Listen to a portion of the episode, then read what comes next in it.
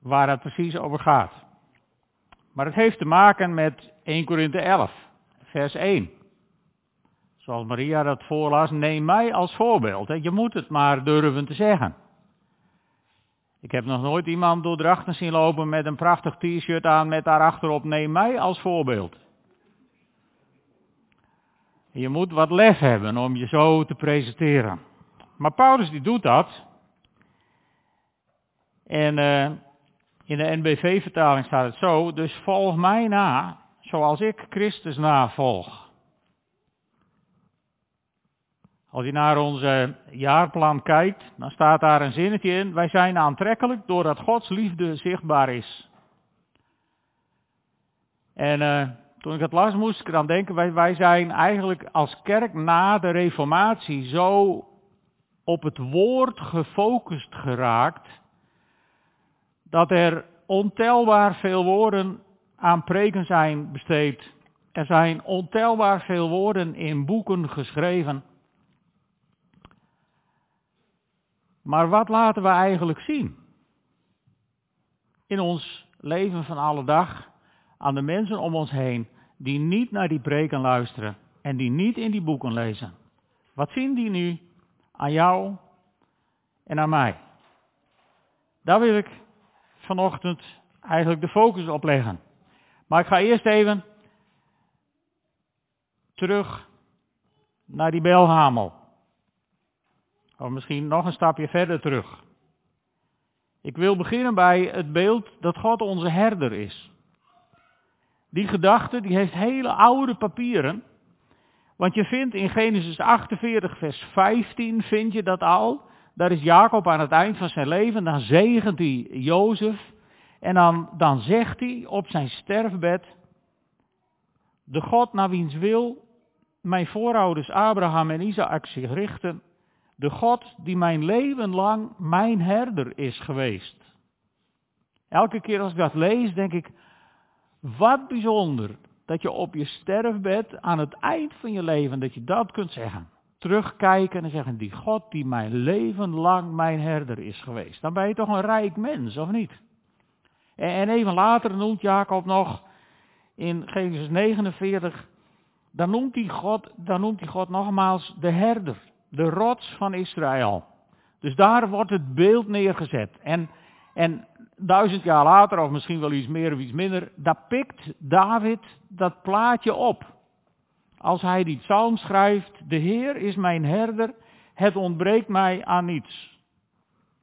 Gisteravond keken we even naar een reportage van de EO over een man die een hele hoge dwarslezing had en eigenlijk volledig verlamd was. En die met droge ogen recht in de camera keek en zei, de Heer is mijn herder, het ontbreekt mij aan niets. Dat is iets anders dan als ik gezond van lijf en leden dat hier voor jullie sta te zeggen. Er zijn dus mensen in zulke omstandigheden die dat nog steeds kunnen zeggen. De Heer is mijn herder. Het ontbreekt mij aan niets. En je komt dat vaker tegen in de psalmen. Asaf die zegt in psalm 80 vers 1, daar heeft hij het over de herder van Israël, die Jozef leidt als een kudde. Dan heeft hij het dus over God. En Jesaja, in Jesaja 40 vers 11, die zegt, als een herder wijdt hij zijn kudde, zijn arm brengt de lammeren bijeen, hij koestert ze en zorgzaam leidt hij de ooien. Dat zijn de moederschapen. En uh, Jeremia die zegt in hoofdstuk 17 vers 16, ik ben u, mijn herder, nooit ontvlucht. Maar dan wordt het echt mooi. God zelf noemt zich namelijk ook herder. God zegt in Ezekiel 34, vers 12, zoals een herder naar zijn kudde op zoek gaat, zoals zijn, als zijn dieren verstrooid zijn geraakt, zo zal ik op zoek gaan. En hier zitten ook vast ouders die kinderen hebben die misschien de Heer niet meer zo volgen zoals jij graag zou willen. Misschien heb je andere dierbaren die, die de Heer niet meer zo volgen. Maar wat heb je hier dan een prachtig vers van God zelf, die zegt, zoals een herder op zoek gaat naar zijn kudde, zo zal ik op zoek gaan. Dat geen troost voor je? Zo zal ik op zoek gaan. God laat namelijk niet los wat zijn hand begon. Hè? In menig kerk begint de kerkdienst altijd met die woorden. Ik geloof in God de Vader, schepper van hemel en aarde, die trouw houdt tot in eeuwigheid en nooit loslaat het werk van zijn handen. Ik ben in een overmoedige buis gaan zitten rekenen hoe vaak die woorden in Nederland gesproken zijn. En dan kom je in de miljoenen. Daar kan God gewoon niet meer omheen. Zo vaak is dat beleden. Laten we ons daar vooral aan vasthouden. Die situaties waarin we even twijfelen, waarin we het soms niet meer weten. God laat niet los. Hij zal er altijd zijn. En, en dan kondigt God een andere herder aan. Ook in Ezekiel 34, vers 23 zegt hij, ik zal een andere herder over ze aanstellen. En dan heeft hij het over David, mijn dienaar. Maar David was al lang dood en begraven in die tijd. Dus het gaat niet over koning David, het gaat over de zoon van David, over Jezus. Die aangekondigd wordt als herder. En dan komt Jezus en die eigent zich ook in alle vrijmoedigheid die titel toe. Want in Johannes 10, dan zegt Jezus, ik ben de goede herder. En een herder, een goede herder geeft zijn leven voor de schapen. En in vers 14 zegt hij, ik ben de goede herder. Ik ken mijn schapen. Maar dan, dat, dat stukje zou je moeten onderstrepen in je Bijbel misschien wel. En mijn schapen kennen mij. Dat is het eerste reflectiemoment in deze preek van morgen. Als Jezus zegt, mijn schapen kennen mij, kun je daar dan amen op zeggen? Heel mooi. Er zijn, er zijn ook mensen die weten gewoon heel veel over Jezus en denken hem daarmee te kennen. Hè? Maar kennen betekent hier iets van een relatie hebben met. Dus Jezus zegt, mijn schapen kennen mij. Die moet je voor de komende week maar eens meenemen om op te herkouwen. Is dat zo? Ken je Jezus en werk je aan die relatie? Besteed je daar tijd aan? Ben je daar mee bezig? En dat hoeft geen uren te zijn, dat hoeft ook niet ingewikkeld te zijn, je hoeft ook niet op je hoofd te staan om diep na te denken. Je kunt gewoon een stuk in de Bijbel lezen en je kunt eens even met Jezus praten in gebed of zo. Veel ingewikkelder hoeft dat niet te zijn. Je hoeft je nek er niet bij te breken. Mijn schapen kennen mij. De schrijver van de Hebreeënbrief, die betitelt Jezus ook als herder. Hij zegt, als hij het heeft over Jezus, onze Heer Jezus, de machtige herder van de schapen. En Petrus die zegt zelfs dat hij de herder is die uw ziel behoedt. Dus de titel herder, zou je daarmee zeggen, is voorbehouden aan God en aan Jezus. En eh, als er een herder is, is er ook een kudde. Want iemand kan wel in herdersuitrusting een rondje over de hei wandelen, maar als er geen schaap achteraan komt, maak je slechts een heidewandeling. Dus als er een herder is, is er ook een kudde. En ook die kudde heeft oude papieren. In Numeri 27, vers 17, daar, daar zegt God, zodat het volk van de Heer niet als een kudde schapen wordt zonder herder. Dus God maakte zich toen al zorgen dat er mensen zouden zijn die, die hem niet meer zouden volgen als herder. Zodat ze niet zouden worden als een kudde schapen zonder herder. En, en we komen dat tegen in de profetie van Micha in 1 Koningen 22 vers 17. Of ergens in 2 Kronieken als je dat liever hebt. En dan zegt Micha, ik zag Israël verspreid over de berghellingen als een kudde schapen die geen herder heeft. En de Heer zei, ze hebben geen aanvoerder. Die vind ik op zich wel leuk, want de Heer zegt niet, ze hebben geen herder. Want God had zichzelf neergezet als herder. Maar God zegt, ze hebben geen aanvoerder. Dus ze hebben niemand die het voortouw neemt en die net als Paulus zegt, van neem een voorbeeld aan mij, doe net als ik en ik volg Jezus. Zo iemand hadden ze niet. Een gemis. En, en ook Jezus, die gebruikt dat voorbeeld. In Matthäus 9, vers 36 of in Marcus, daar zegt Jezus, toen hij de mensenmenigte zag, staat er, voelde hij medelijden met hem, omdat ze er uitgeput en hulpeloos uitzagen als schapen zonder herder. Er staat dat ze uitzagen, er staat niet dat ze waren als schapen zonder herder. Want Jezus had zelf gezegd, ik ben de goede herder. Dus, maar zo zagen ze er wel uit. En als je dan, als je dan in het nieuws dingen hoort over, over zeg maar de emotionele of psychische toestand van veel, met name jongere mensen na deze tijd van, van lockdowns en toestanden die we gehad hebben, dan denk ik volgens mij zien heel veel mensen er momenteel uit als schapen zonder herder. En waarom is dat zo? Misschien wel omdat ze geen aanvoerder hebben die het lef heeft om te zeggen, volg mij na zoals ik Christus navolg.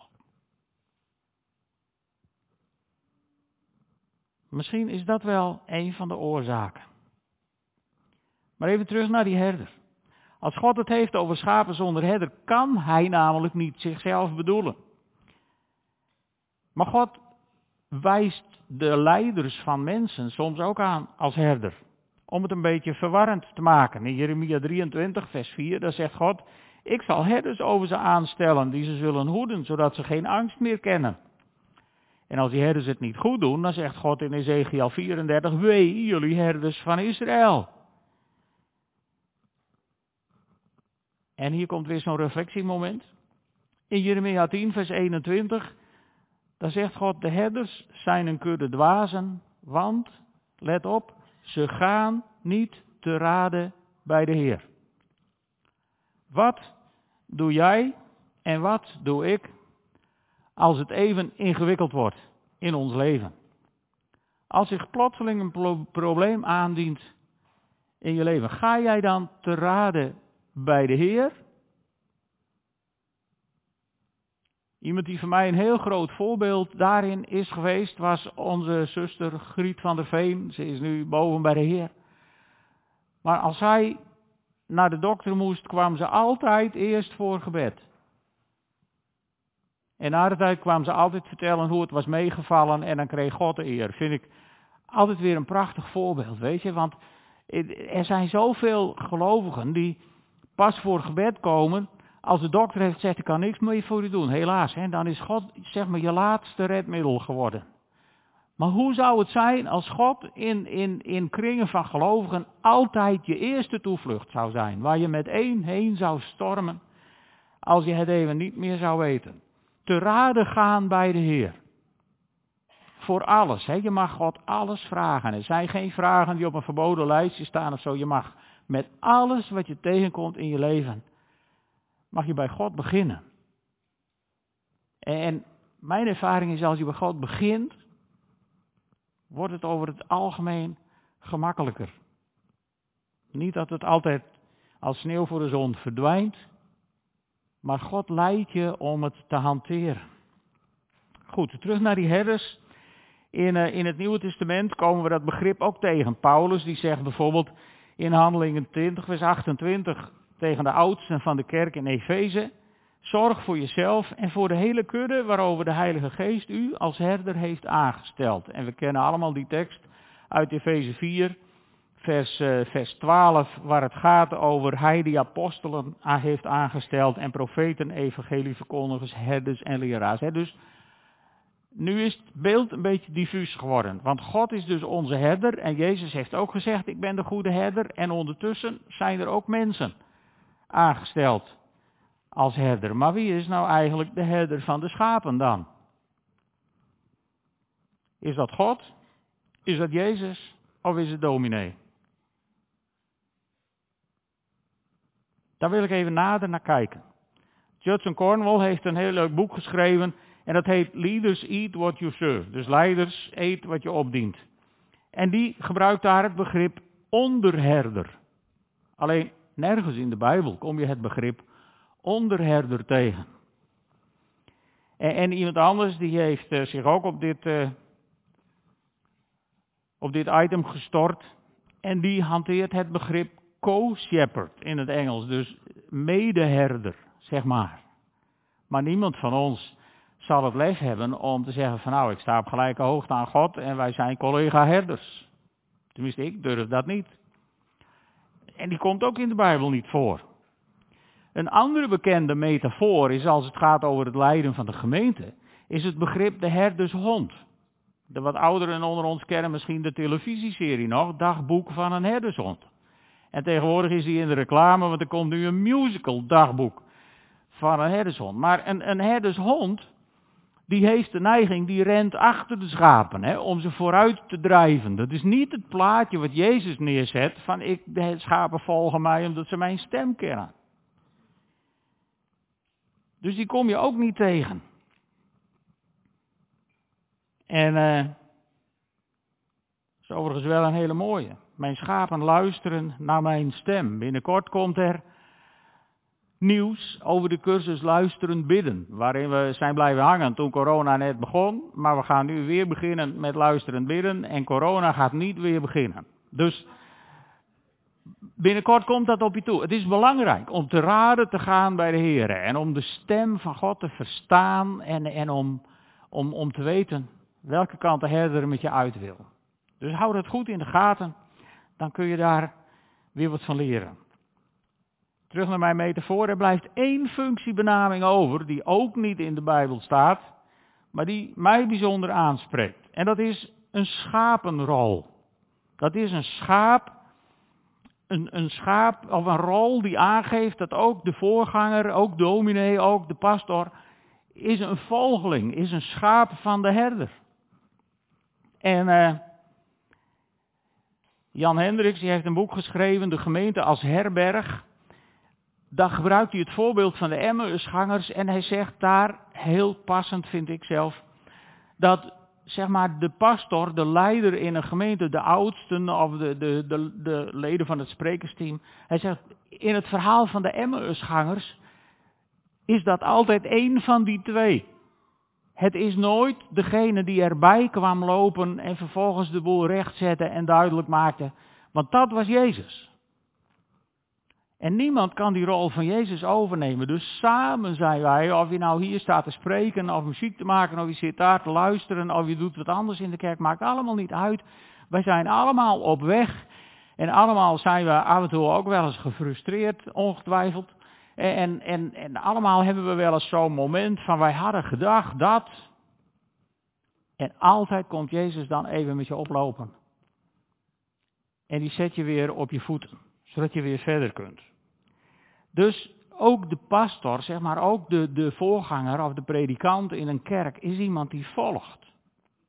En dan kom ik terug bij de schapenmetafoor, want in de kudde schapen is er één schaap dat zowel leiding geeft als volgt. En dat heet een belhamel.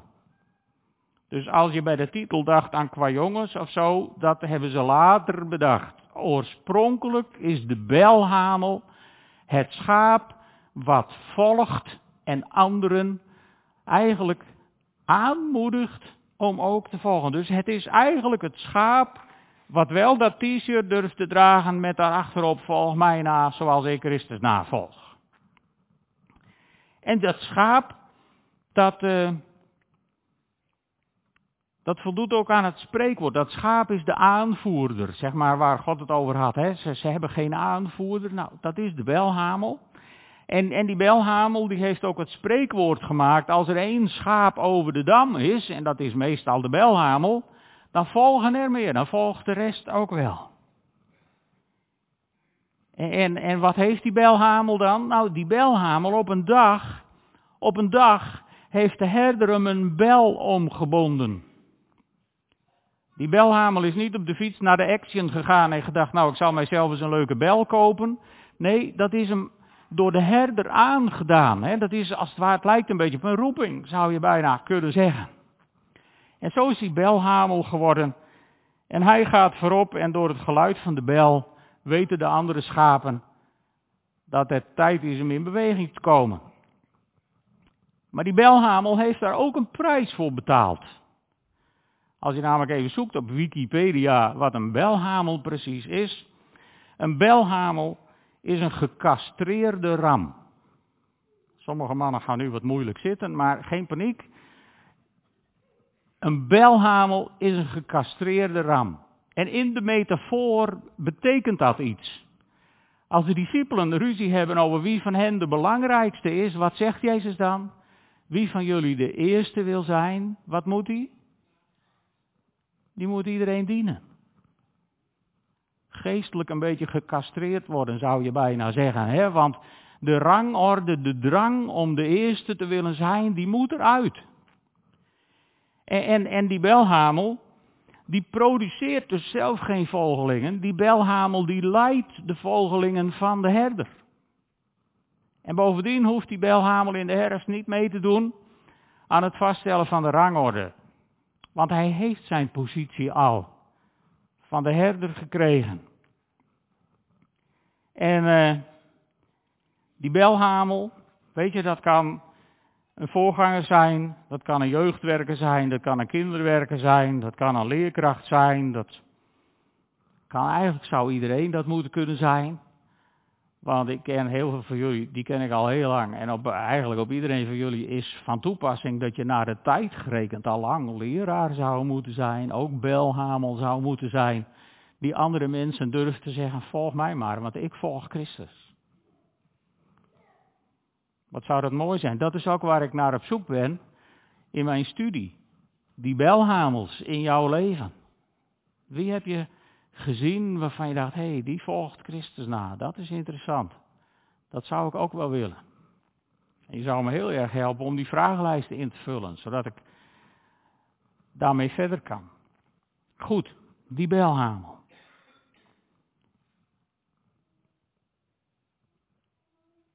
Het is vervolgens de bedoeling, als de belhamel de herder volgt, dat ook de rest van de kudde daarachteraan komt. En dan is het met de individualisering in onze maatschappij misschien niet zo dan om iemand te volgen. Maar kijk maar eens naar protestbewegingen of demonstraties. Dan heb je vaak één leider. En heel veel mensen die daar toch weer achteraan hollen. Dus kennelijk hebben mensen het wel nodig. En, en ook in de kerk moeten we ons weer bewust zijn van het belang van mensen die voorgaan, die iets laten zien wat het volgen van Jezus in hun leven betekent. En misschien zit je nog bij de mensen die denken, nou ja, in deze postmoderne tijd wordt dat allemaal lastig en moeilijk en ingewikkeld. We zijn als kerk zijn we gespecialiseerd in wat dat betreft het groter maken van het probleem dan het in werkelijkheid is. Maar volgens de Duitse filosoof Jürgen Habermas zijn we al veel verder in de tijd. Want hij heeft het over de postseculiere tijd. En daar zal ik jullie iets, iets meer over uitleggen. De postseculiere tijd, terwijl, terwijl veel kerken zich nog druk maken over de secularisatie, zegt Jurgen Habermas, jullie tijd is al lang voorbij. Wij leven in een postseculiere tijd. En, en uh, professor Dingemans, die noemt ze de niemandslanders. Hij onderscheidt vier groepen als hij naar de kerk kijkt en dan zegt ja, je hebt de trouwe kerkgangers, dat zijn wij. En dan heb je de mensen die, die hebben een akkefietje gehad in de kerk, die gaan niet meer naar de kerk, maar die hebben misschien hier en daar nog wel iets met geloof. En de kinderen daarvan, die hebben überhaupt niks meer met de kerk, vaak ook niet meer met geloof. Dat noemt hij de niemandslanders. En hij zegt, en de groep die dan echt interessant is voor de kerk, dat zijn de kinderen van de niemandslanders. Die zijn niet meer gehinderd door negatieve gevoelens over de kerk. En die zijn helemaal klaar met de leegheid van het leven. Je moet voor de aardigheid eens opletten, in kranten, in tijdschriften, hoe ongelooflijk veel er wordt geschreven tegenwoordig over het begrip zingeving. Er zijn hele bladen over happiness en, nog een aantal andere bladen. En dat gaat allemaal over de zingeving. Het gaat ten diepste allemaal om de vraag van waarvoor ben ik eigenlijk op deze aarde? Wat heeft het voor zin? Waarom ben ik hier? Waar gaat het heen? Wat doe ik hier? Dat zijn de kinderen van de niemandslanders, of generatie Z, zoals Maria dat laatst noemde. Generatie Z. En die kom je ook tegen in het boekje van Tim Vreugdenhil. Opener dan ooit. Ik vond het heel leuk dat er een stukje over in de Sifra stond. Tim Vreugdenhil, die heeft het over godszoekers met zielsarmoede. Hij, hij noemt het zielsarmoede, wat er in de wereld aan de hand is. En dan zegt hij, die godzoekers zijn overal. Maar het aanbod van de kerken matcht niet met hun zoektocht. En de tweede zin die me heel erg aanspreekt is deze. De kerken staan leeg, maar de bomen zitten vol met Zacchaeusen. Zacchaeusen. Waarom moest Zacchaeus in een boom? Omdat hij vanwege de mensen Jezus niet kon zien. Er lopen heel veel mensen om die vanwege de kerk Jezus niet kunnen zien. Maar ze zitten misschien wel in een boom te wachten, uit te zien. En uh, wat zou er gebeuren als jij zoals Zacchaeus uit een boom zou roepen en een hapje met hem ging eten? Net zoals Jezus. Wat zou er gebeuren? Zouden wij aantrekkelijk zijn voor sommigen van hen? Dat is de vraag die afleidt uit het jaarplan. Zouden wij aantrekkelijk zijn voor sommigen van hen? En eigenlijk is dat de goedkope vorm. De wat duurdere vorm is dat je, derde reflectiemoment, dat je durft te zeggen, zou ik aantrekkelijk zijn voor een van hen? Zou ik zo'n aantrekkelijk voorbeeld kunnen zijn dat ik tegen zo'n niemandslander kan zeggen, neem mij maar als voorbeeld, want ik volg Jezus.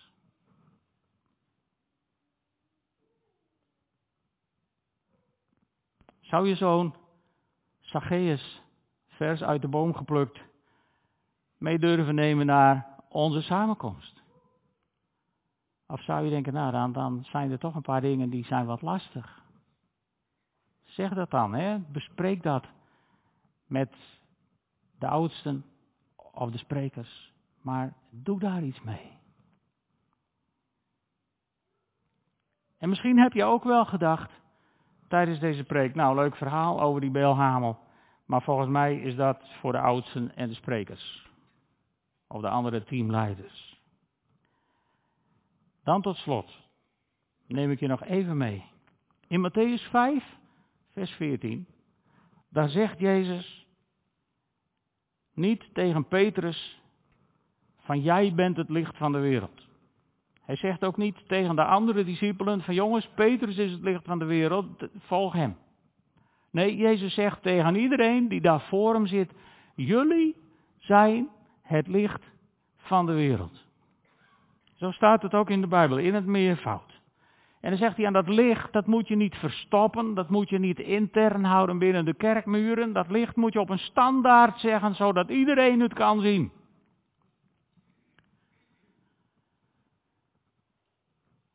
En, en denk niet dat er mensen om je heen in je omgeving zijn die het niet zien. Hè? Ik was van de week even volledig incognito op weg naar de tuin en ik fietste door Drachten en ik fietste een dame voorbij. En die zei, dag dominee. Ik had haar nog nooit van mijn leven gezien. Maar zij mij kennelijk wel. En, en, en dan denk je wel, wel, wel. Ik moet ook nog oppassen hoe ik mij op de fiets gedraag. Toch? Als ik wil zeggen, volg mij na, zoals ik Christus navolg. Dus dat vraagt wel even iets. Mensen kennen jou en mij, kennelijk. En ze zien je. En ze, ze letten op hoe jij en ik in het leven staan. Want wij zijn het licht van de wereld. En dan zegt Jezus in vers 16, en zo moet jullie licht schijnen voor de mensen. En dan zegt hij, en niet dat ze jullie goede preken horen of jullie goede boeken lezen, maar nee, dat ze jullie goede daden zien en daarom God verheerlijken en eer bewijzen aan jullie Vader in de hemel. En dat is geen taak voor oudsten of sprekers. Dat is een taak die hebben wij allemaal als kinderen van God te doen. En de mensen die leiding geven aan gemeentes, die spreken in gemeentes, die andere dingen doen in de gemeente. In principe zijn die allemaal alleen maar aan de gemeente gegeven om de heiligen toe te rusten tot dienstbetoon. Dan hoop ik dat je vanochtend een beetje bent toegerust. En ik wil je één uitdaging, ik wil je één hele uitdagende vraag meegeven. Voor de komende week. Hoe zou het zijn als de komende week iemand tegen jou zou zeggen, joh, ik zie dat jij Jezus volgt. Maar wat heb je daar nou aan in deze tijd? Dan heb je als het een modern iemand is, tien seconden hooguit om daar een antwoord op te geven. Dus als je daar een preek van een uur voor nodig hebt, zijn die lui allang doorgezet en dan zijn ze allang uh, tig social media uh, dingen verder. Dus dan heb je tien seconden om ze een goed antwoord te geven. Denk nou de komende dagen eens na wat je in die tien seconden zou willen zeggen. Wat heb je eraan om Jezus te volgen? En dan bid ik dat we allemaal de komende week een niemandslander ontmoeten. Of een Zacchaeus uit een boom kunnen plukken. Aan wie we dat antwoord kunnen geven. En als hij dan echt durft, neemt u dan volgende week zondag gewoon gezellig mee hier naar de dienst. Zullen we samen bidden? Zullen we gaan staan? Heere God, u hebt ons allemaal geroepen om zo'n belhamel te zijn die u, onze goede herder, volgt.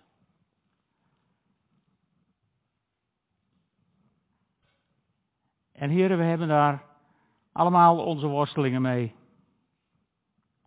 Soms volgen we u en gaat het prima. En soms zijn we het spoor even bijster en gaat het even helemaal niet. En daarom bid ik u, heren, laat uw Heilige Geest ons opnieuw de bel ombinden, zodat we belhamels van u mogen zijn. Die wandelen door dit leven. En heren, maak ons mensen die oprecht mogen zeggen, volg mij zoals ik Christus navolg. Heren, want u houdt ons bij de hand, u houdt ons vast, u, ja, u gaat zelfs naar ons op zoek als we zijn afgedwaald. En zo bid ik u, heren, voor de niemandslanders om ons heen. Zo bid ik u voor de Zacchaeusen in de bomen, die zo graag de zin van dit leven opnieuw zouden ontdekken. En Heere God, ik dank u wel dat u de zin bent van mijn leven. Heere, dat is onbetaalbaar.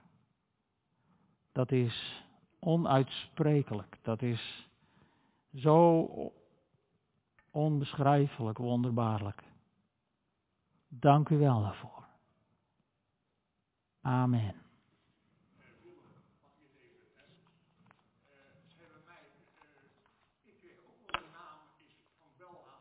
Ja. Maar niet zo positief, denk ik, hè? Nee.